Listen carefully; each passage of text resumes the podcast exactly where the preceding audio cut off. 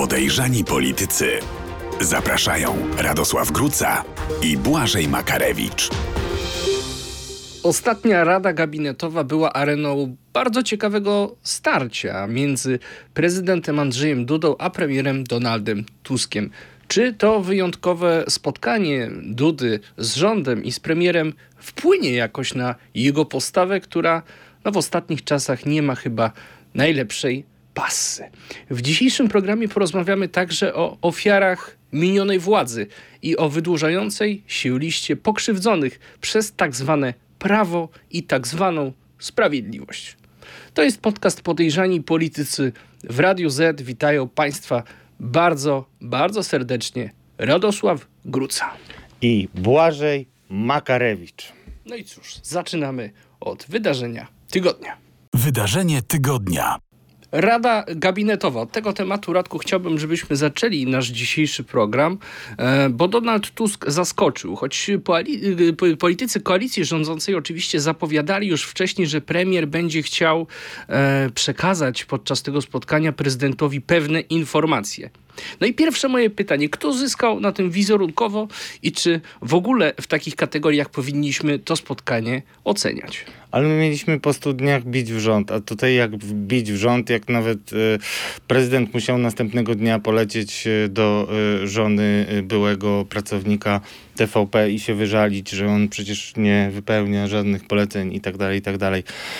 Źle to wypadło i tak jak mówiliśmy, nie miało szans lepiej wypaść, dlatego że mm, to była pułapka. Cepek jest pułapką, o tym już rozmawialiśmy. Y, proszę sobie przewinąć internet 5 tygodni do tyłu i wtedy będziecie Państwo mogli sami sprawdzić, że pierwszym pomysłem na wykorzystanie CPK-u było powiedzenie, że tutaj Niemcy chcą zablokować port lotniczy, bo się boją, niemieckim agentem jest Donald Tusk. Jezu, aż mnie zęby bolą, jak te bzdury gadam. E, no i to się nie udało. I teraz jest dyskusja o niczym e, z punktu widzenia obywateli, bo tylko poszczególne spiny dotyczące centralnego portu komunikacyjnego wydostają się i żyją w internecie, a rosną jak na drożdżach te zasięgi. To też kiedyś myślę, że może się uda wyjaśnić, choć pewien nie jestem. No i ta pułapka nie tylko jakby. Myślę sobie, że mm, była nie do uniknięcia, ale na wszelki wypadek, gdyby okazało się, że otoczenie prezydenta, otoczenie, i wcale nie mówię o Marcinie Mastalerku, tylko i wyłącznie, nie przygotowało prezydenta do y, takiej y, pułapki, no to jeszcze tutaj y, Donald Tusk przyniósł takiego E, Pegasusa e, dokumenty i powiedział, że mm, przy okazji zrobił z prezydenta takiego niezbornego człowieka, powiedział, że pan o niczym nie wie generalnie. Takie jest hasło. E, to akurat dotyczyło elektrowni atomowej.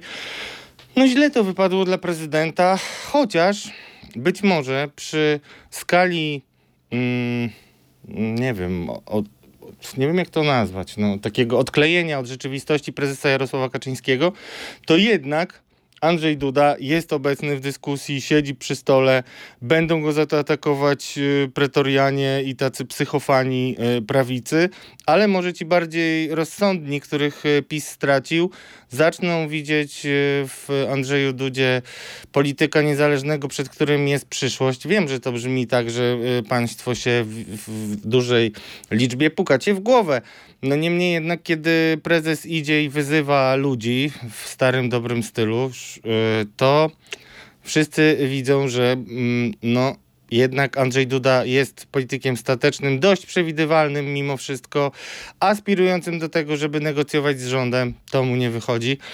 I ja jeszcze raz powiem to, y, co e, przyszło do mnie jakiś czas temu, taka myśl, że problem polega na tym, że gdyby jeszcze Andrzej Duda nie wystawiał tylko Marcina Mastalerka jako swojego pitbulla, tylko czasem gryznął, szczeknął, E, to by było inaczej, bo trochę mamy tak, że Andrzej Duda coś powie, a potem idą prostować jego słowa pani minister, Papro, pani minister Paprocka i Marcin Mastalerek. To nie wygląda poważnie, tym bardziej, że prezydent jest tutaj taki przyczajony, a oni są ukrytymi smokami. No płyną już od e, jakiegoś czasu takie sygnały, głosy niezadowolenia z obozu Prawa i Sprawiedliwości, że prezydent nie spełnia tej swojej roli, do której oni go e, nominowali, wskazali. To znaczy jest za mało aktywny, za mało krytyczny wobec rządu, za mało opowiada się po stronie Prawa i Sprawiedliwości. Wróćmy może e, jeszcze do e, Rady Gabinetowej, mm, no bo Przypomnijmy, pierwotnie miało być tak, że tematem zasadniczym, czy tematami e, tego spotkania, czyli posiedzenia rządu z udziałem prezydenta Rzeczpospolitej,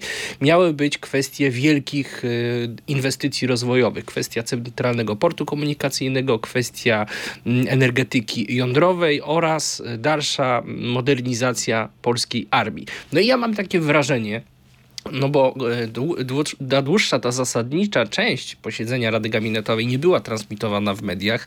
Wiemy tylko jedynie z konferencji prasowych, z pewnych przekazów medialnych, e, o czym e, rządzący z prezydentem rozmawiali, ale ta pierwsza część wstępna była transmitowana. I mam wrażenie, że e, no właściwie do opinii publicznej te kwestie zasadnicze się kompletnie nie przebiły, natomiast przebiły się kwestie ocierające się o tą aferalność, to znaczy sprawa Pegasusa, sprawa nadużyć finansowych przy inwestycjach. To właściwie pozostało, a nie istota mm, całego spotkania. E no i słyszeliśmy, o czym Donald Tusk mówił podczas tej części otwartej e, do mediów. E, czy te wątki pojawiły się także w jakimś szerszym zakresie podczas tej części zamkniętej. Czy wiesz coś na ten temat? Błażeju, no taką pracę domową mi zadałeś, żebym popytał. I mam mm, wstydliwą wiadomość. Niestety mało mi się udało ustalić yy, i zastanawiam się dlaczego, bo politycy, którzy byli obecni na rządzie, znaczy w, na Radzie Gabinetowej ze strony rządu, yy, wydaje mi się, że mają taki przekaz, żeby przypadkiem nie rozmawiać z dziennikarzami. I przypomniało mi to też, jak to było rozgrywane za czasów Lecha Kaczyńskiego, to znaczy dopiero po jakimś czasie pojawiły się nagrania, y, które obie strony próbowały na swoją korzyść wykorzystać. Wydaje mi się, że tak niestety może być y, też y, tym razem, ale to też y, no, kolejny dowód na to, czego jeszcze ludzie chyba do końca mm, jako zwolennicy opozycji nie rozumieją, czyli to, że Donald Tusk jednak y, bardzo żelazną ręką trzyma y, swoich ludzi i tak tacy ministrowie, którzy mieliby bardzo dużo do powiedzenia, jak na przykład Borys Budka, minister aktywów państwowych w sprawie Orlenu, czy Sienkiewicz w sprawie różnych odkryć TVP, jednak wypowiadają się wyjątkowo skromnie i rzadko. Tak samo jest e, z koordynatorem służb specjalnych Tomaszem Siemoniakiem.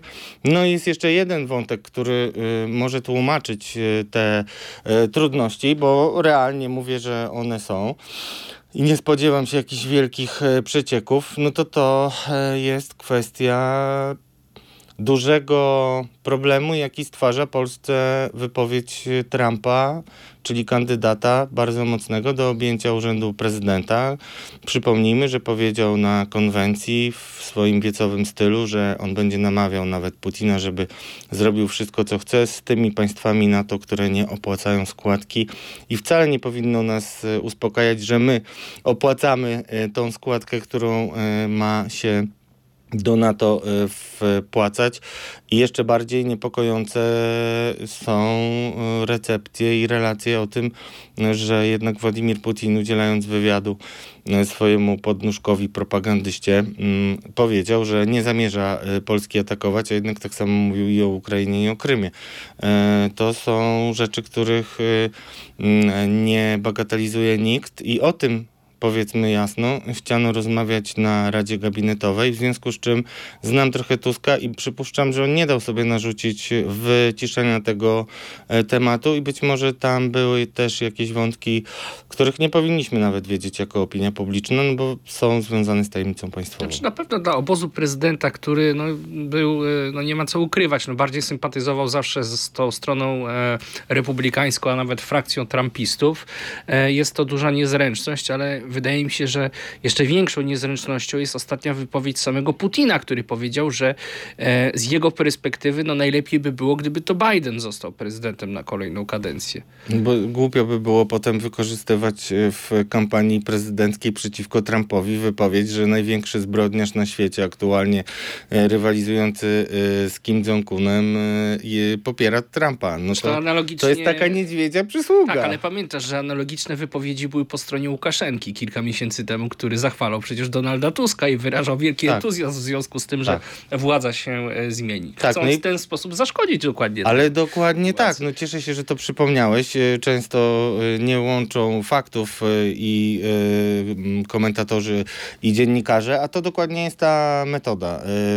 Popieramy tak, taka niedźwiedzia przysługa, która też po, po pierwsze pokazuje, że to, co się dzieje na Zachodzie, to, co się dzieje w Unii Europejskiej, w Stanach, w krajach NATO, jest bardzo bacznie obserwowane przez Rosję i że Rosja y, no, prowadzi wojnę hybrydową z zachodnim światem wszelkimi możliwymi y, środkami. No już sam ten wywiad z amerykańskim dziennikarzem y, był, wiadomo, skierowany do zachodniego świata, a nie do Rosjan. Przecież oczywiście to też taki symbol, że nie jesteśmy izolowani. To jest primo. No, mnie bardzo to niepokoi, y, Błażeju i drodzy Państwo, y, mało się w Polsce rozmawia w ogóle o polityce zagranicznej. Wojna na Ukrainie tak nam jakoś spowszedniała, a tam się rzeczy dzieją bardzo złe i będziemy na pewno musieli o tym rozmawiać y, dużo więcej i te takie ruchy też w internecie ludzi, którzy teraz zbierają na zapasy wojenne, robią umocnienia w swoich ogródkach, no pokazuje, że albo hmm, próbuje się zbudować taki duży lęk w społeczeństwie, który potem pomaga manipulować szczególnie w wyborach, mm, albo no e, po prostu to idzie e, gdzieś nawet oddolnie i ludzie zaczynają realnie się obawiać, o czym nikt nie mówi. Jeszcze chciałbym, żebyśmy o Radzie Gabinetowej podyskutowali. Oficjalne sygnały po tym spotkaniu, oficjalne te, które były prezentowane w mediach, no były takie, że spotkanie generalnie przebiegło w bardzo dobrej, merytorycznej, rzeczowej atmosferze. No ale jest ta część pierwsza, ten e, wstęp Donalda Tuska, który no niejako zdeterminował później odbiór e, całości tego spotkania. I Donald Tusk mówi tak, e, panie prezydencie, no możemy już powiedzieć ze stuprocentową pewnością, mamy dowody na to, że Pegasus był w Polsce wykorzystywany, że był wykorzystywany w sposób legalny, ale i nielegalny. E, ważne. Ta, to jest dosyć istotne. Zwracamy też... uwagę, podkreślcie sobie wężykiem, bo to może być istotniejsze niż Państwu się wydaje. No i mówi o tych nieprawidłowościach przy inwestycjach, przy mm, elektrowniach e, atomowych, o czym informowało ABW e, i o kwestii bardzo dużych wydatków przy przygotowaniach do realizacji Centralnego Portu Komunikacyjnego. E, prawda? E, no i właśnie, i Powiedz mi, czy pojawienie się tych informacji, szczególnie o Pegasusie, bo ja cały czas stoję na stanowisku, że to jest afera, która no jednak mocno wstrząśnie polską polityką i być może... To nie jest e, truizm, drodzy Państwo. Prawo i Sprawiedliwość się po tym już nigdy nie pozbiera i wróci do takiego ugrupowania typu porozumienie centrum z lat 90., czyli głośne takie, ale jednak mimo wszystko marginalne pamiętamy. E, czy te informacje o tych nieprawidłowościach to może jakoś wpłynąć w tej chwili na postawę, zachowanie prezydenta Andrzeja Dudy. No bo Tusk postawił go w dość niezręcznej sytuacji. Powiedział o tym wszystkim przed y, opinią publiczną. To, y, o czym y, wspomniałeś, podkreślał, że pan, pre, panie prezydencie, pan zapewne o tym nie wie. No troszeczkę tak deprecjonując jego pozycję. Jakie to będzie miało konsekwencje? No, konsekwencje niestety będą takie długotrwałe, ale też trudne do zatrzymania, bo to, co my widzimy teraz, to jest konsekwencja albo, mówiąc delikatnie, nieprzemyślanych z punktu widzenia, jak będzie to rezonować na y, urząd prezydencki w przyszłości nieprzemyślanych decyzji i kroków. Y, I to jest y, primo. Na sekundę widać, że z jednej strony Prezydent tańczy tak, żeby nie pokazać, że tańczy jak Jarosław Kaczyński. Będzie mu Co to... zresztą powiedział w jednym z wywiadów ostatnio. Dokładnie. No i to tak jest trochę, że czasami jak się czemuś zaprzecza, to jeszcze bardziej się to potwierdza. No i to y, niestety trochę niektórzy mają takie wrażenie. E, no ale też widać, że próbują odsunąć od siebie ten temat y, Pegasusa jak najbardziej e, ludzie z otoczenia prezydenta. Marcin Mastalerek następnego dnia kpił sobie, że e, dla niego CPK może nawet nie nosić imię Pegasusa. Myślę, że to jednak, panie ministrze, objaw pewnej frustracji. A z drugiej strony jeszcze kolejna historia, którą też ujawnił Marcin Mastalerek. Zwracamy na to uwagę. Mm, Dwugłos w kancelarii. Marcin Mastalerek mówi jasno, że trzy lata chyba nie rozmawiali prezydent z Jarosławem Kaczyńskim, a ministra Paprocka idzie i mówi nie, to nie jest tak, bo oni przecież rozmawiali na Radzie Bezpieczeństwa Narodowego i tak dalej, i tak dalej. No, e, teraz pani ministra się e, raczej naraża na śmieszność, a wszystkim przypominam, że już wiele, wiele odcinków temu mówiliśmy o tym, jak Jarosław Kaczyński wchodzi do Pałacu Prezydenckiego i zapraszają go na kawkę do prezydenta przed Radą Bezpieczeństwa. Mówi, nie, nie, ja już pójdę. Więc e, no, to, to jest taka sytuacja i mamy walić w ten rząd jako odpowiedzialni dziennikarze, którzy patrzą władzy na rękę. No i w tym wypadku ja, szczerze mówiąc, nie widzę niczego, do czego mógłbym się tutaj konkretnie o Radę Gabinetową przyczepić, chociaż na szczęście będzie jeszcze parę takich przyczepek ode mnie dziś. No ale linia prezydenta jednak troszeczkę odbiega od tego, o czym mówi samo Prawo i Sprawiedliwość. No bo odkąd te informacje się potęgują o Pegasusie chociażby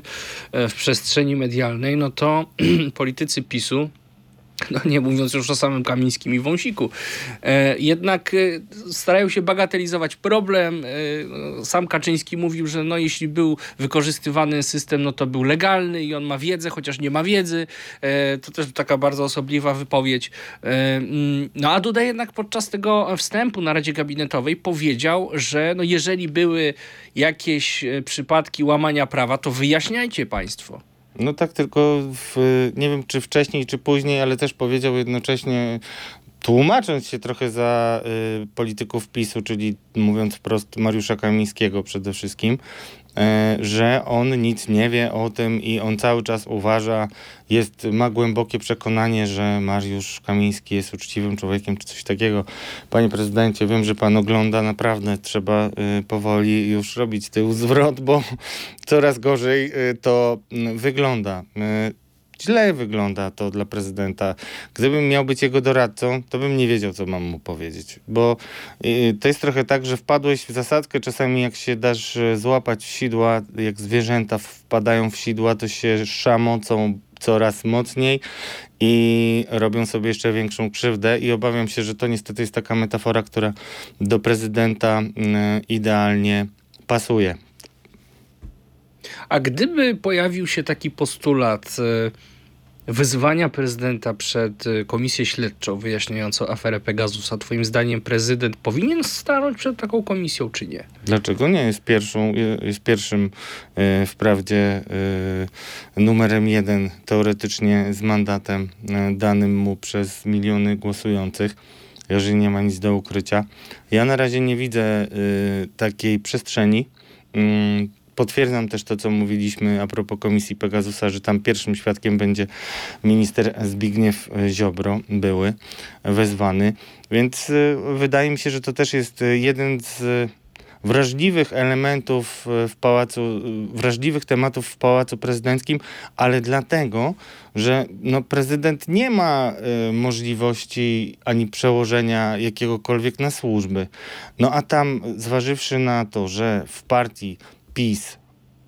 Takie przekonanie o tym, że każdy każdego podsłuchuje, są haki, no to nie tylko przekonanie, ale też czasami konkretne sytuacje je- jest dominujące. I to nie jest tak, że my sobie mówimy o takiej partii, która jest e, żelazną ręką e, i różnymi hakami rozgrywana, tylko oni doskonale to wiedzą, większość e, polityków PiSu. I łatwo jest zasiać takie ziarno niepokoju. A jeśli chodzi o prezydenta, no to też dodatkowo jest to trudna dla niego sytuacja, bo wiemy, że Pegasus miał służyć gromadzeniu kompromitujących materiałów różnych o orientacjach seksualnych, kochankach i innych tam wstydliwych dla PiSu e, wstydliwych i dla elektoratu rzeczach.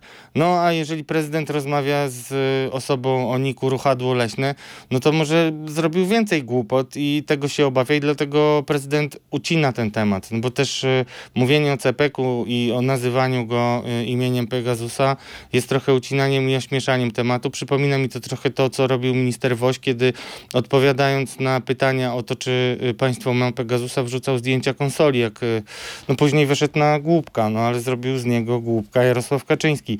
Więc ten lęk może być, ale to prawda, że prezydent y, nie ma kompetencji w tym zakresie, co nie znaczy, że nie może mieć jakiejś wrażliwej wiedzy. I teraz, jeżeli na przykład na komisji pojawi się jakiś świadek, który powie, że rozmawiał z prezydentem o czymś tam, no to wtedy prezydent będzie jest musiał przesłanka. przejść. No a poza tym prezydent z tych zapowiedzi, przynajmniej Donalda Tuska ostatnich wynikało, no wejdzie za chwilę w posiadania tych newralgicznych dokumentów, więc już jakąś wiedzę będzie posiadał. Zresztą zwracam uwagę też e, na inny aspekt sprawy. No kilka miesięcy temu, gdybyśmy dyskutowali o Pegasusie w kontekście ewentualnych podsłuchów, inwigilacji prezesa Rady Ministrów Mateusza Morawieckiego, to większość z nas pewnie pukałaby się o głowę i stwierdziła, no nie, no chyba tak daleko to aż nie zabrnęli, a w tej chwili okazuje się, że chyba jednak bardzo możliwe, że zabrnęli. Zresztą jest na tej liście też i y, Henryk y, Kowalczyk wymieniany, były wicepremier i minister rolnictwa i wielu wpływowych polityków Prawa i Sprawiedliwości.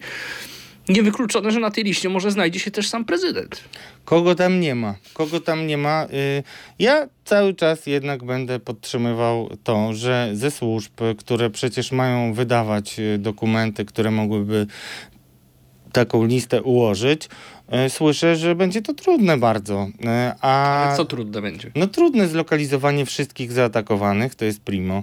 E, wiem, że są przesłuchiwani. No ciekawe, no bo na przykład poseł Bosacki mówi o tym, że e, według jego e, jakiejś wiedzy, jak rozumiem, którą posiadł, to na tej liście jest ponad 100 osób. No to dosyć konkretna liczba. To pytajmy skąd pan poseł Bosacki to wie. Obawiam się, że ktoś go wprowadza w błąd. No nie dlatego, że nie było 100 osób, bo może były 100, było 100 osób, ale rzeczywiście patrząc nawet na liczbę wniosków o podsłuchy, yy, która była stosowana, a przypominam, że Pegasus był ukrywany jako narzędzie, ale wiele wniosków o e, objęcie e, nadzorem, obserwacją e, było klepanych przez sąd, akceptowanych, sąd wyrażał na to zgodę. Nie wydaje mi się, że ta liczba jest prawdziwa. Wydaje mi się, że mamy do czynienia jednak z grą, która no, gdybyśmy stosowali zasadę cui bono, czyli kto na tym korzysta, to na tej grze korzysta na pewno opozycja, ale czasami mm, wróg naszego wroga jest naszym przyjacielem, a na przykład wrogiem e, Mateusza Morawieckiego. Byli właśnie ludzie, którzy mieli patrzeć mu na ręce, jak Mariusz Kamiński, Zbigniew Ziobry, to wszyscy wiedzą. E, I teraz mówi się nawet na mieście, ja tego nie umiem e, do końca zweryfikować, choć będę to robił, że takie plotki rozpuszcza sam Morawiecki, bo tak, jeżeli Morawiecki miałby być ofiarą Pegasusa, a nic na niego nie wyszło, no to, to trochę jego pozycja wzrasta, to jest primo, no i już dzieli się tort po e, stypie, po prezesie Jarosławie Kaczyńskim i Mateusz Morawiecki dzisiaj nie ma już takiego fundamentalnego interesu w tym, żeby e, prezesowi przytakiwać, jak takie pieski w PRL-u były, które tak robiły, jak się postawiły w samochodzie. Mm, mówiąc wprost, jeżeli Mateusz Morawiecki rozpuszczałby tego typu e, plotki, to on może na tym najwięcej skorzystać, bo ma jednak jakiś zręb swoich ludzi, e, nawet w, obecnie e, w spółkach. Niektórzy są trudni do zlokalizowania, a nie można takiej prostej cezury zrobić, że a, przyszedłeś do pracy w ciągu 8 lat, to no tak się nie da. Nie da się po prostu, nawet gdyby ktoś chciał. To jest niemożliwe, bo ze względów prawnych, ze względów takich, że trzeba jednak prowadzić te instytucje i nie można wszystkich z dnia na dzień zwolnić. Więc to wszystko powoduje, że y, no, niełatwą mają mm, sytuację mm, e, wszyscy uczestnicy gry politycznej. Ale nie wierzysz w to, że ta sprawa i jej zasięg, skala może jakoś poruszyć sumienie prezydenta? nie wierzę w sumienia polityków za bardzo. Rzadko je widuję, rzadko się spotykam z taką anomalią, bo jednak bym powiedział, że to jest jakiś błąd w Matrixie. Nie oceniając nikogo, bo jakby nie jestem od oceniania y, y, sumień, no ale no nie, nie spodziewam się absolutnie, bo to nie jest chyba kwestia do końca, przyznasz, y, też chciałbym poczytać wasze komentarze, to nie jest chyba do końca kwestia sumienia y, i przyzwoitości jakiejś nawet, jeżeli odejdziemy od takich trochę religijnych określeń, tylko kwestia odwagi. A my tej odwagi nie uświadczyliśmy za dużo ze strony polityków PiS. No, ale... Mm, cóż, coraz więcej ludzi na odwagę jednak, nawet z tamtej strony dziś opozycyjnej się um, udaje znaleźć im tą odwagę. No dobrze, to przechodzimy do drugiej części kontrowersja tygodnia. Kontrowersja tygodnia. E, w grudniu ubiegłego roku Krzysztof Brejza, obecnie poseł Koalicji Obywatelskiej, wygrał przed sądem okręgowym sprawę przeciwko TVP. E, sąd uznał, że artykuł napisany przez Samuela Pereire naruszył standardy pracy dziennikarskiej i zasądził na rzecz Brejzy 200 tysięcy złotych zadośćuczynienia. No i teraz na światło dzienne wychodzą kulisy sprawy, w uzasadnieniu do którego dotarło Radio Z. E, sąd, e, z tego uzasadnienia wynika, że sąd przyznał m.in., że Brejza był inwigilowany Pegasusem. No to jest kolejne potwierdzenie tego, co już e, jednak wiemy, ale naszą kontrowersją tygodnia, którą prosimy, żebyście skomentowali i ewentualnie e, też oddali swoje lajki e, i zachęcam do subskrybowania naszego kanału, żeby móc dyskutować na bieżąco, więc no to nie ulega wątpliwości, że ofiar Pegasusa jest więcej. Mm, I to skłoniło mnie do namawiania ciebie na to, żeby zrobić z tego temat kontrowersji, bo jednak e, szykują się bardzo poważne zadośćuczynienia, a ja cały czas e, będę rzecznikiem i będę, mogę być nawet e, samotnym rzecznikiem wołającym po puszczy, ale uważam, że wszyscy ludzie, którzy byli tak bezwzględnie niszczeni przez PiS przez te ostatnie lata, tak jak między innymi Krzysztof Brejza i jego żona Dorota Brejza, powinni być zrehabilitowani zrehabilitowani, mimo że w moich oczach oni są zrehabilitowani o tyle, że e, jeżeli by cokolwiek na nich było, to już na pewno byśmy wiedzieli, ale e, ja oczekuję, że te sprawy będą nazywane po imieniu, że e, będą wyjaśnione okoliczności, ale będą też wskazani przynajmniej odpowiedzialni, jeśli nie winni w kategorii kodeksu karnego. I tutaj jeszcze jedna rzecz, która jest dość istotna, bo mówisz o TVP.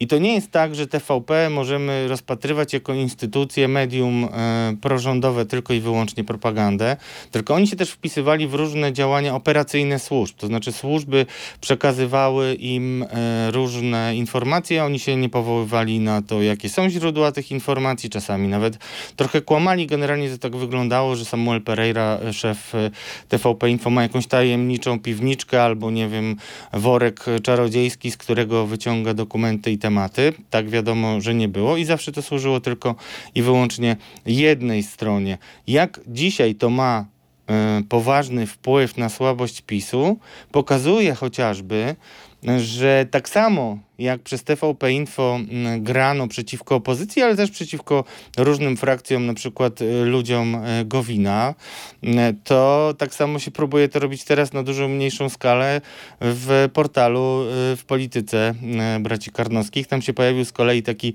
tekst podpisany WK, czyli nikt nie wie kto, nikt nie jest za to odpowiedzialny, w którym za, no, przekazano, że Dominik Tarczyński został nowym liderem namaszczonym przez prezydenta prezesa e, frakcji EKR w Parlamencie Europejskim. Krzysztof Legutko, który był dotychczasowy, został odsunięty. Jeszcze było w tym jakiś tam insiderski wkład. Że został upokorzony. Jaki. Został upokorzony, tak. Ale no nikt o tym praktycznie nie wie, dlatego też o tym mówię. On jest upokorzony... Hmm, Zastanawiam się, czy jest jakiś klucz w tym wszystkim, y, że on rzeczywiście ma być odpowiedzialny. No ale ja go nie widzę. I tak samo Janusz Wojciechowski, który jest opowiada, opowiada się o nim, że on coś uzgadniał z prezesem i tego e, nie zrobił. To wszystko są dla mnie opowieści z brudnego palca.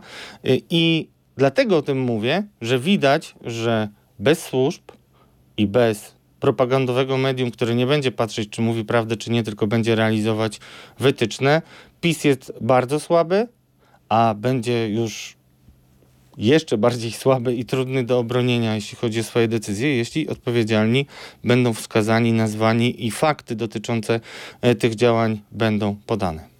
Ale co jest szczególnie istotne w całej tej sprawie, mówię tutaj o przypadku Krzysztofa Brejzy, to mamy już w tej chwili udowodnione na papierze, możemy to w ten sposób e, o tym mówić, że istniał cały mechanizm e, stosowania inwigilacji przeciwników politycznych, nie tylko polityków, bo to przecież chodzi o różne osoby z różnych branż zawodowych, nazwijmy to w ten sposób, niewygodnych dla ówczesnej władzy i informacje poprzez służby trafiały do sterowanej e, telewizji rządowej rządowej, co już wydaje się w ogóle jakimś przypadkiem pa skrajnie patologicznym, prawda? Ale, też, ale to też jeszcze, ale to jest jedna rzecz, bo y, państwo, nie wiem, już jesteśmy tak trochę w dziwnych czasach, że może państwo zapomnieli, jak to wygląda praca redakcji poszczególnych. Jest redaktor naczelny, który odpowiada za, że tak powiem, no, ogólne akceptowanie i inspirowanie dziennikarzy do poszukiwania tematów, ale to dziennikarze przynoszą tematy, a tutaj było zupełnie odwrotnie. Dostawał taki naczelny, jeden z drugim, y, najczęściej bardzo ściśle powiązany e, z pisem różne kwity i wydawał dyspozycje. I dochodziło do kuriozalnych e, sytuacji. Tutaj akurat nie chodzi o tajne informacje, ale o takie zlecenia e, cyngli.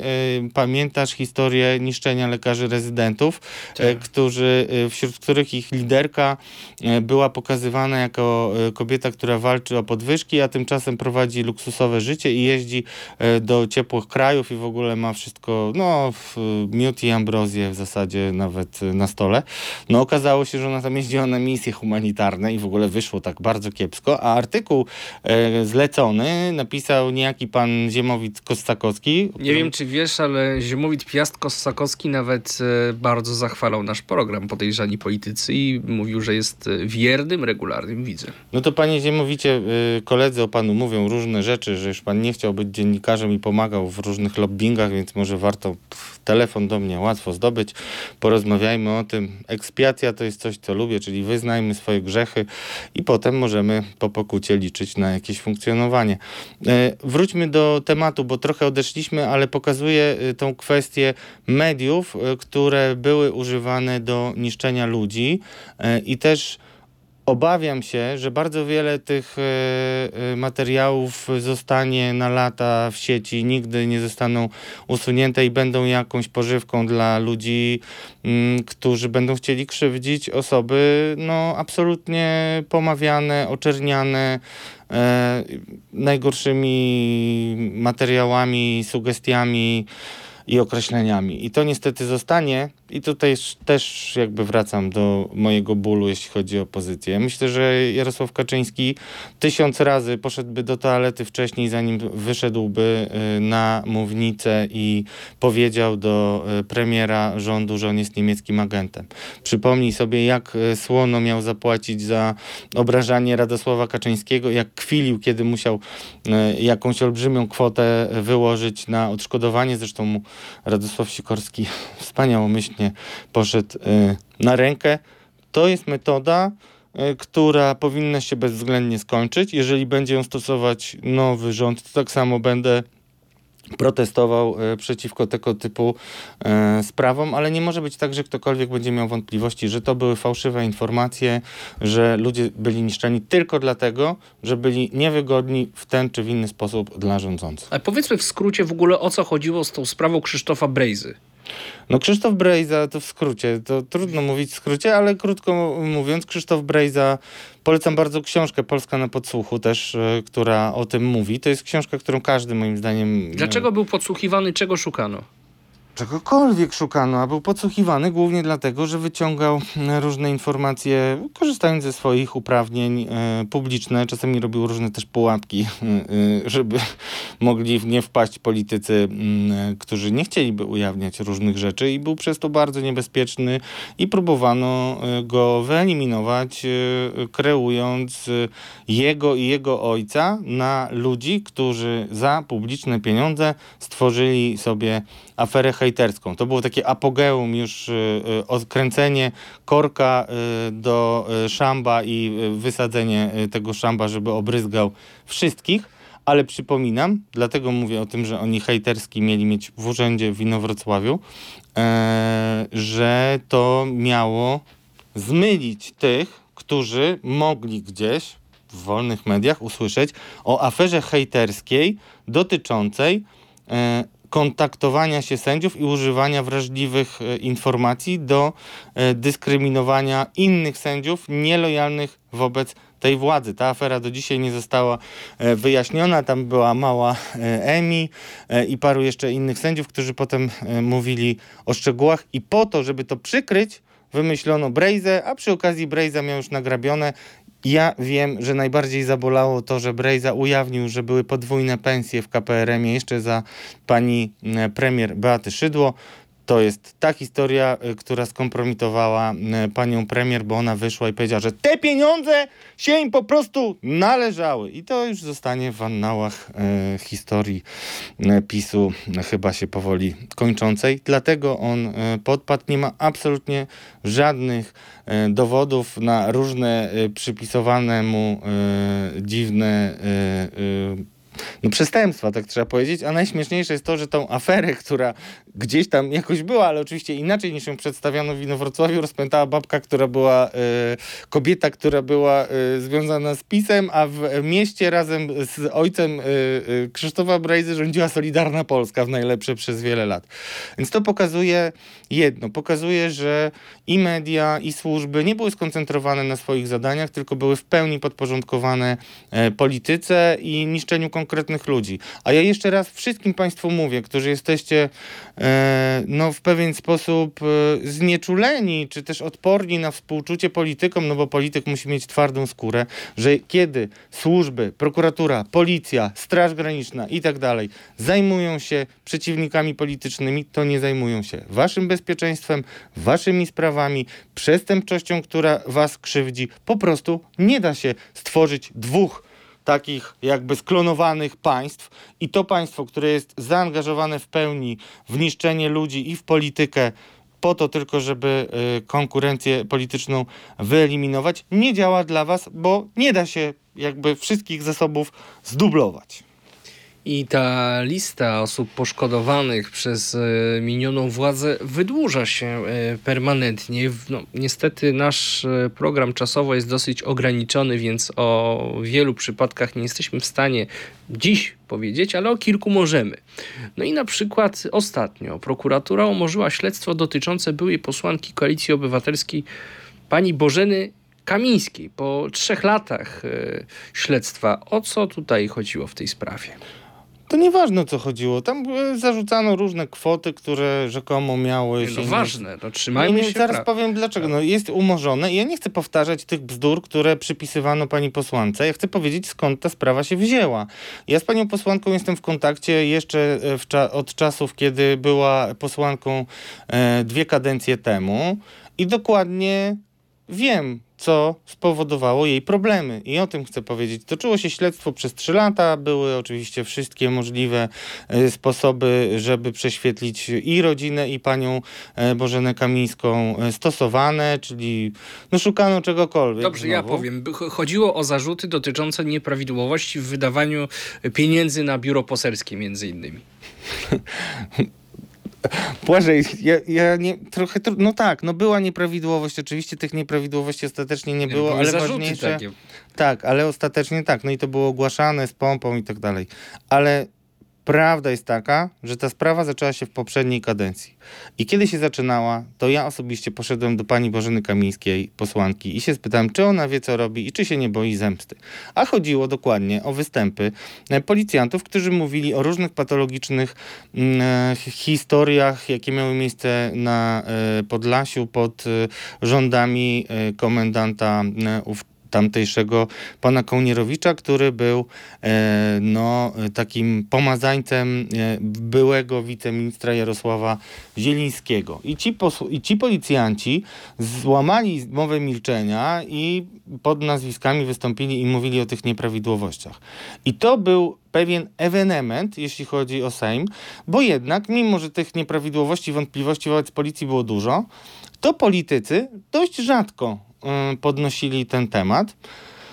Warto zbadać kiedyś dlaczego, mm, a pani Kamińska to zrobiła. I już wtedy spodziewałem się zemsty i dokładnie ta zemsta nastąpiła. I dzisiejszym newsem, jeśli chodzi o tę historię, jest to, co myślę, że szerzej będzie jeszcze w kolejnych tygodniach opisywane. Cała ta sprawa, i wiem to od samej pani posłanki, bo wystarczyło zadać właściwe pytanie, zaczęła się od różnych notatek policjantów związanych z panem Kołnierowiczem. Mówiła mi to sama pani posłanka przed wyjazdem na narty, gdzie odpoczywa dzisiaj i powiedziała, że cała sprawa zaczęła się od notatek, które kreowała policja po to, żeby zbudować grunt na podjęcie jakiejkolwiek sprawy, która, jak widzimy, mimo lat pracy funkcjonariuszy, działań różnych, no niestety nie przyniosła żadnych e, efektów. No i tam chyba też był taki wątek, że posłanka mm, sugerowała w jakiejś wypowiedzi, e, żeby zbierać jakieś e, materiały e, na temat e, działania policji. No i, i któryś z polityków chyba PiSu... Nie, to, to był komendant policji. Komendant policji. Piszcie, piszcie. Piszcie Ja- donosy na panią posłankę tak. i potem się zaczęła cała ta sprawa. Tak, tak. Kołnierowicz, dokładnie to była ta historia. To jest bardzo ważne, żeby zrozumieć, y, że mm, kontrola nad policją dla PiSu i kontrolowany, dyspozycyjny komendant główny y, Jarosław Szymczyk byli szalenie istotni dla tego systemu. My tego, w większości ludzie tego nie rozumieją, ale trzeba zrozumieć, że policja ma kilka podstawowych atrybutów. Po pierwsze jest najliczniejszą formacją, ponad 100 tysięcy y, policjantów. Po drugie jest najlepiej poinformowaną w sensie globalnym służbą, dlatego że nie pracuje punktowo, tylko na przykład obowiązkiem dzielnicowych jest wiedza, co tam się dzieje. I jak na przykład jakieś małżeństwo związane z opozycją e, się kłóci e, medialne, to potem wychodzą różne informacje, które już wcześniej policja miała i szeptała. No i można potem robić różne, różne rzeczy. Wypadki samochodowe. Y, Pozwolenia na broń. Tutaj skazany był e, polityk e, Platformy Obywatelskiej Cezary Grabarczyk, któremu ułatwiono według e, prokuratury i według sądu pierwszej instancji zdobycie pozwolenia na broń. To są wszystko takie rzeczy, które często oferowała policja politykom, a politycy mniej czy bardziej świadomie z tego korzystali, zakładając sobie, mój tata to nazywał homonto, na, na, na szyję, czyli no potem cóż, łączy nas tajemnica, ty jesteś za to odpowiedzialny, ja może też będę odpowiedzialny, ale to dla ciebie jest e, większy y, problem. No i w ten sposób policja jakoś e, się utrzymywała na powierzchni, aż w końcu wszystko e, zrujnował granatnik. To jest szalenie ważne, żeby ci policjanci, którzy pisali te donosy, co jest zresztą modusem operandi, jest taką e, powtarzającą się strategią niszczenia e, ludzi przez policję, czyli najpierw jakiś donos, potem wyst- e, wyjaśniające postępowanie, potem się coś może znajdzie. Bardzo ważne jest, żeby dojść do autorów tych e, donosów i wszystkich, którzy byli w to e, zaangażowani, bo po prostu dla nich nie ma miejsca absolutnie e, w służbie państwu polskiemu. No i co istotne, sprawa pani posłanki ciągnęła się przez trzy lata i została właściwie no, oczyszczona z tych wszystkich e, zarzutów, tak, które... Ale zniszczono ją na lata, tak? To było bardzo... No i nie została posłanką. Nie, znaczy nie została posłanką, ale to później e, zaczęły się e, oficjalnie takie denuncjacje, Ona że w ona... 19 roku. E, Nie została wtedy, ale później wy, wyciągnięto e, przeciwko niej i to też warto wytłumaczyć, no bo niektórzy z Państwa pewnie sobie zadadzą takie pytanie, no ale ona była już byłą posłanką, to co ona by tam mogła w ogóle załatwić, zrobić i tak dalej. Otóż chodzi o to, żeby dać przykład, taki naczelny, nachalny, ewidentny, jeśli z nami zadrzesz, to skończysz tak jak ona. To samo mieli moi różni informatorzy, do których e, dochodzono i e, wszyscy, e, którzy Nie było tak trochę z posłanką Felix i lasami państwowymi? Oczywiście, znaczy, to już nienawidzę tej historii. Tak, to samo się działo z posłanką Felix, tylko wiadomo też jaki był y, tego finał. No a dzisiaj odpowiedzialny za to y, pan Tomasz Duklanowski prysnął sobie na inny kontynent i y, zabrał jeszcze telefon i komputer. No to jest... No, co tu komentować? Pomóżcie. Jest też e, sprawa dotycząca żandarmerii wojskowej. Czyli policji wojskowej. Policji Wojskowej, a dokładnie pana majora Roberta Pankowskiego. To był człowiek, który kilka lat temu bardzo ostro krytykował meandry działania mm, żandarmerii, z którą był związany. No i potem spotkało go wiele bardzo nieprzyjemnych rzeczy. O co chodziło? Chodziło o to, że major Robert Pankowski był jednym z tych oficerów, którzy znajdują się w każdej służbie i podchodzą bardzo poważnie do tego, co robią. Lubią swoją pracę często, mają poczucie misji i razem, wraz z przyjściem PiSu takie osoby na wskroś uczciwe, to muszę powiedzieć, pod, podkreślić, mm, liczyły na to, że rzeczywiście nastąpi prawo i sprawiedliwość i różne takie ukryte wcześniej mniejsze i większe y, grzeszki poprzednich, y, y, no poprzedniej władzy, można powiedzieć, czy nominatów poprzedniej władzy będą rozliczone. I na to liczył major Robert Pankowski i on naruszył coś, taką tajemnicę Poliszynela, w zasadzie takie bardzo złe zjawisko w wojsku, czyli to, jak traktowano w wojsku kobiety i w żandarmerii także. I tutaj bardzo istotną osobą jest pani Karolina Marchlewska, y, która y, która była bohaterką, powiedziała w jaki sposób e, stosowano wobec niej takie no, na pewno mobbingowe y, działania, ale też ocierające się, nie ocierające się, no, molestowanie seksualne, mówiąc wprost.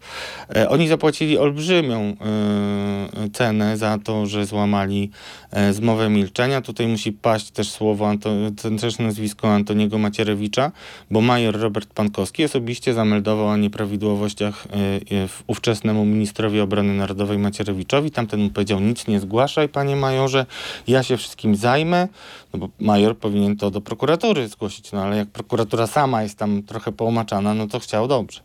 No po czym oczywiście major Robert Pankowski miał e, wizytę e, ludzi, którzy zabrali go ostentacyjnie skutego e, na e, czynności, gdzie postawiono mu takie kuriozalne zarzuty ujawnienia tajemnicy państwowej czy służbowej, nigdy nie potwierdzone, no ale on już wtedy był wskazany jako ten, który jest przykładnie ukarany, który musiał odejść ze służby, który który wycierpiał tyle, że sobie nie wyobrażacie. I tutaj jeszcze ważna osoba, która go niszczyła. Mówimy o mechanizmie, który się powtarza, drodzy Państwo.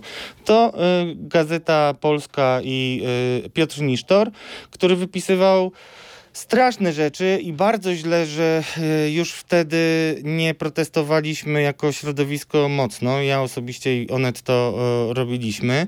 Mm, Edyta Rzemu, a Marcin Wyrwał mają tutaj największe zasługi w ujawnieniu tej patologii, mm, bo ujawniano jego dokumenty e, wrażliwe, informacje z dokumentów medycznych.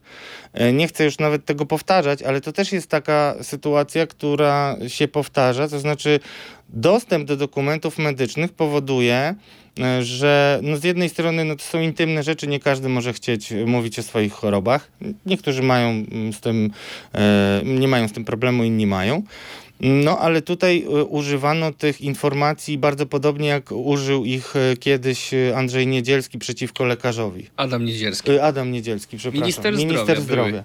I dopiero wtedy, kiedy on to zrobił na Hama, przepraszam, że tak powiem, ale żeby uświadomić na Twitterze, to wtedy zrobił się problem i teraz jest postępowanie łodo i, czyli tego urzędu o, chroniącego dane osobowe mm, i dopiero teraz to rozumiemy. Ale to działo się już wcześniej i major Robert Pankowski też był tego ofiarą, ale mówimy o tym, bo jest dobra wiadomość, jest bardzo dobra wiadomość, bo kierownictwo żandarmerii, które było odpowiedzialne za to, a niektórzy nawet mieli zarzuty, jak e, e, pan Jędrychowski, który był zastępcą komendanta głównego żandarmerii, no nie tylko polecieli, ale już mają zarzuty i teraz to z kolei jest sygnał dla wszystkich tych, którzy byli zaangażowani w nielegalne działania, żeby, no cóż, stanęli w prawdzie. Być może jeśli poniosą pokutę, y, to będą mogli dalej jakoś funkcjonować, ale skala tego, co się działo w, w żandarmerii, no, yy, znaczy przekroczenie wszystkich granic jest...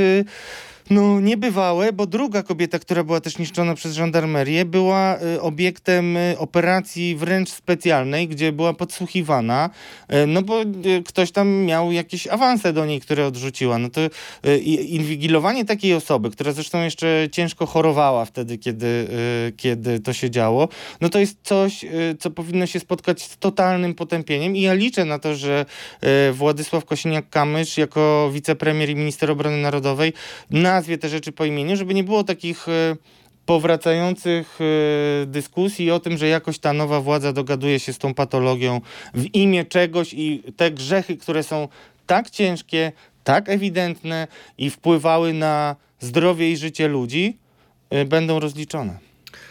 Nasi e, widzowie i słuchacze też często w komentarzach e, pytają o Twoją sprawę o Twój przypadek, który e, bez wątpienia wpisuje się w ten model działania minionej władzy.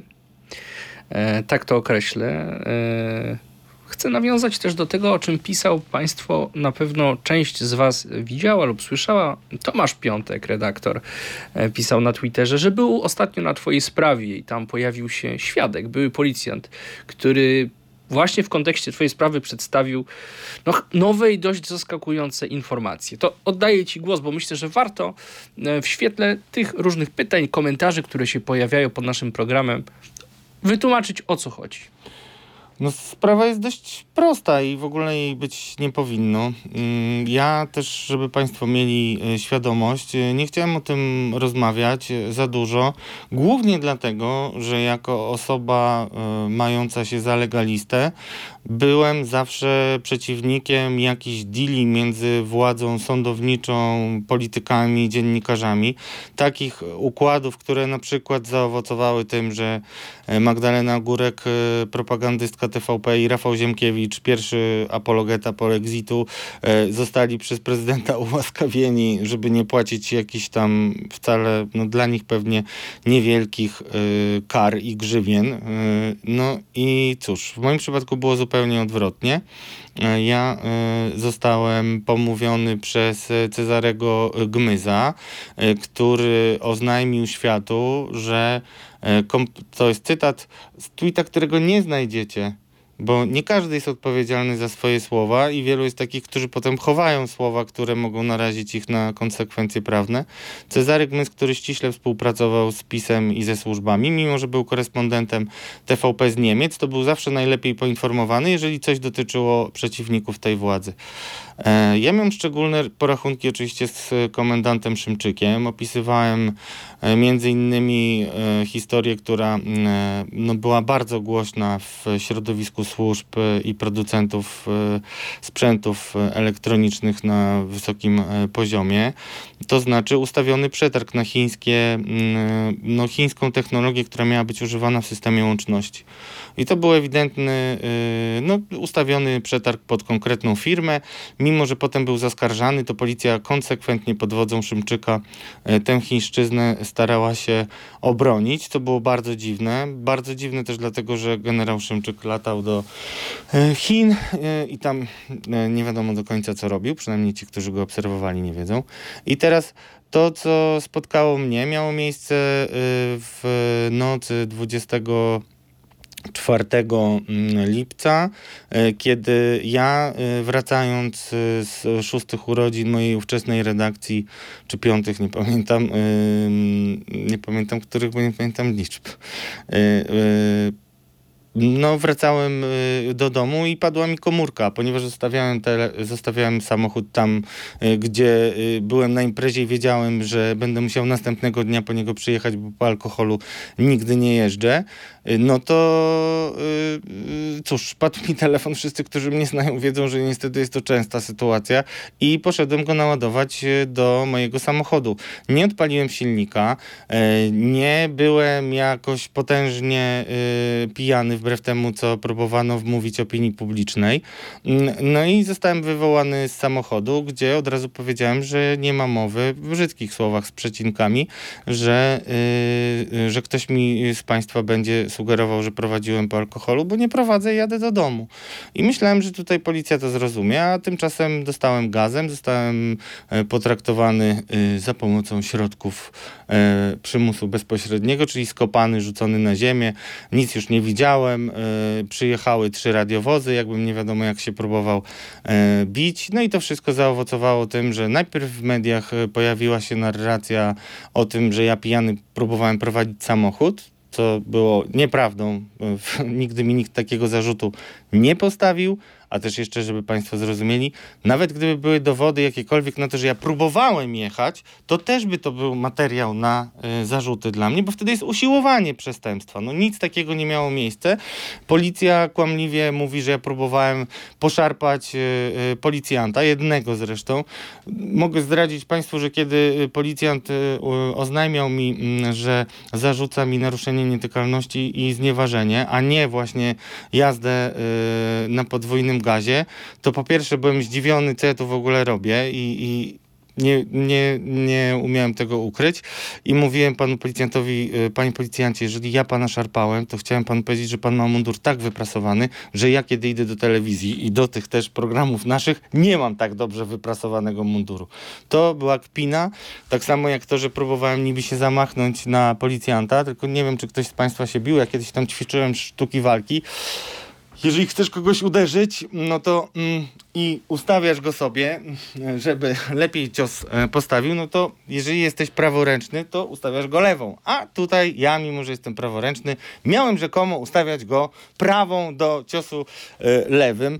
No to są wszystko absurdy. Mówiąc krótko, mm, e, zgłosił się do mnie e, już e, w drugiej instancji po odwołaniu komendanta Szymczyka świadek, który y, zaświadczył o tym, że y, dokumenty w sprawie mojego zatrzymania były manipulowane, y, że te przedstawienie zdarzeń, które zresztą potem nieoficjalnie było rozsyłane do dziennikarzy, było Przypadkowo, uzgadniane. przypadkowo, Przypadkowo rozsyłane. zupełnie. Akurat do konkretnych dziennikarzy. No właśnie, no drodzy Państwo, bądźcie w, w prawdzie i dzisiaj przyznajcie, jak to było, bo wiem, że taka lista jest dość długa.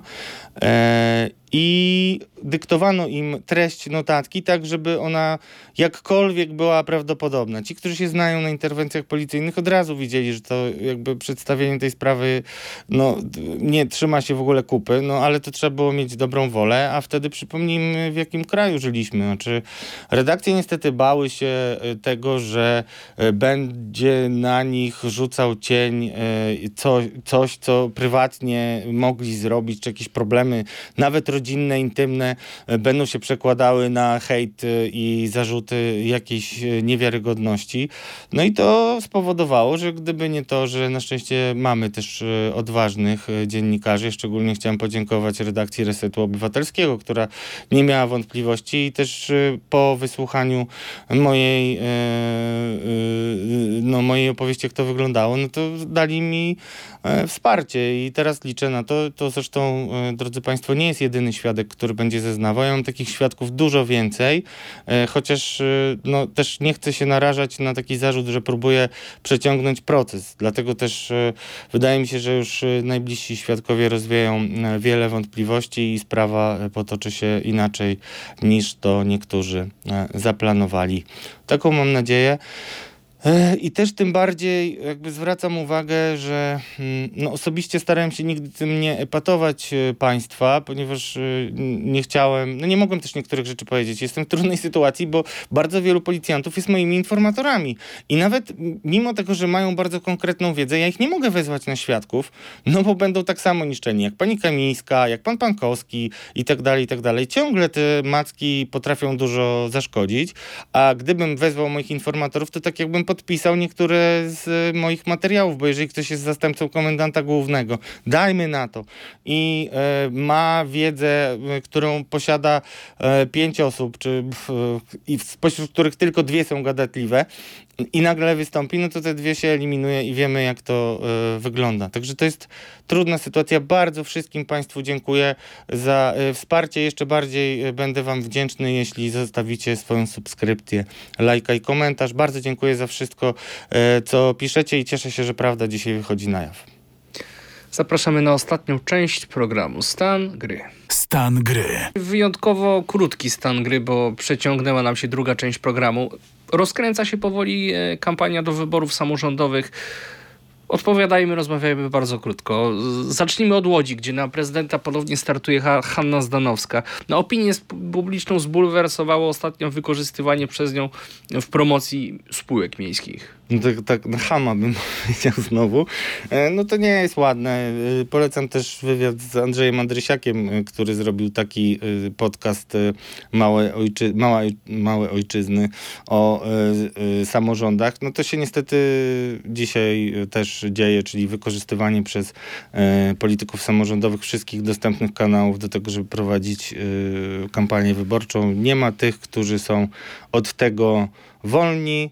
Jest to patologiczna sytuacja. Nie- bardzo jakby bym jakkolwiek y, różnicował y, skalę y, grzechu i patologii, która będzie miała miejsce jeszcze bardziej podczas kampanii samorządowej. Łódź to jest w ogóle ciekawe studium przypadku, bo tam od lat panuje wielka symbioza między Platformą Obywatelską a Lewicą. Lewica konsekwentnie popiera Hannę Zdanowską, kandydaci Lewicy są promowani również w wyborach do Rady Miasta, no w przeciwieństwie do Warszawy, bo tutaj e, już takiej miłości między tymi dwoma ugrupowaniami, chodzi mi tylko o struktury warszawskie, nie ma. E, no i Lewica zdecydowała się na wystawienie Magdaleny Biejat przeciwko Rafałowi e, Trzaskowskiemu. Czy Lewica liczy na dobry wynik, czy może w ten sposób chce poskromić ambicje swojej kandydatki? A ja myślałem, że tylko po mojej twarzy widać wszystko. Ja widzę, co Błażej y, myślisz. Chyba Krótko i na temat. Wracamy do początku naszej rozmowy, gdzie mówiliśmy o Putinie, który y, wychwalał y, Bidena, tak? I y, tak samo Łukaszence, który mówił dobrze o Tusku. To jest trochę podobny mechanizm, dlatego że Magda Biejat była trochę takim wydarzeniem medialnym, kiedy została kandydatką do Senatu. Paktu Senackiego to jest ważne, czyli wszystkich tych ugrupowań, które dzisiaj mm, tworzą koalicję 15 października. No i chyba uwierzyła w swoją szczęśliwą kartę. Nie ma specjalnie wielu koleżanek y, w polityce i w, można jednak, y, ja się podzielę taką myślą, że ona jest jednak y, dość bezwzględna. Tak, nawet są takie słowa różne uznawane za nieparlamentarne. Tak mówią o niej koleżanki i po trupach do celu, ale tutaj mało kto liczy na to, że zrobi dobry wynik. Wielu spodziewa się tego, że zrobi tak kompromitujący wynik, że to będzie takie wstawanie z kolan i uderzenie się e, o e, sufit. No bo pamiętajmy, że kilka miesięcy temu Magdalena Bieja, tuż po tym jak została senatorką, no nie ukrywała tego, że ma takie ambicje, żeby zostać na przykład marszałkinią Senatu. Została wicemarszałkinią ostatecznie. E, to był też element pewnej rozgrywki wewnątrz lewicy, ale też między lewicą a koalicją obywatelską. No i jak to jest? To jest próba poskromienia jej ambicji? To znaczy dzisiaj wszyscy za Magdaleną Biejat, ale jak Magdalena Biejat przez przypadek no, nie zdobędzie zbyt dobrego wyniku, gdzie zresztą w Warszawie yy, Lewica od lat takiego wyniku yy, dobrego nie uzyskała, no to będzie yy, przyczynek do tego, żeby odsunąć ją na Oczywiście, że tak, bo pokażą, no zobacz, jaki ty wynik zrobiłaś, weź się jeszcze podszkol i tak dalej. A powiedzmy jeszcze jasno, że ona jest związana z razem, w związku z czym razemki są, no cóż, e, trochę na cenzurowanym e, na lewicy, więc e, tego można się spodziewać, ale często jest też jeszcze tak, jeśli chodzi o stan gry, powiedzmy, że ktoś na kogo się w ogóle nie stawia, nagle staje się olśnieniem, wydarzeniem i tak dalej. Lewica Grzegorz Napieralski, kto na niego stawiał, wielki wynik wtedy e, w wyborach prezydenckich, ale gdzie jest dzisiaj, to mało kto pamięta. I tym akcentem kończymy dzisiejszy program. Mieliśmy jeszcze porozmawiać o kampanii Prawa i Sprawiedliwości, o tym, jak w tajemniczych okolicznościach logo, tej, logo. logo tej partii znika z banerów, ale o tym w następnym e, odcinku naszego programu e, za tydzień, no bo dziś niestety skończył nam się już czas. To był podcast Podejrzani Politycy w Radiu Z. Byli z wami Radosław Gruca i Błażej Makarewicz. Dziękujemy bardzo serdecznie. Do zobaczenia za tydzień. Do zobaczenia.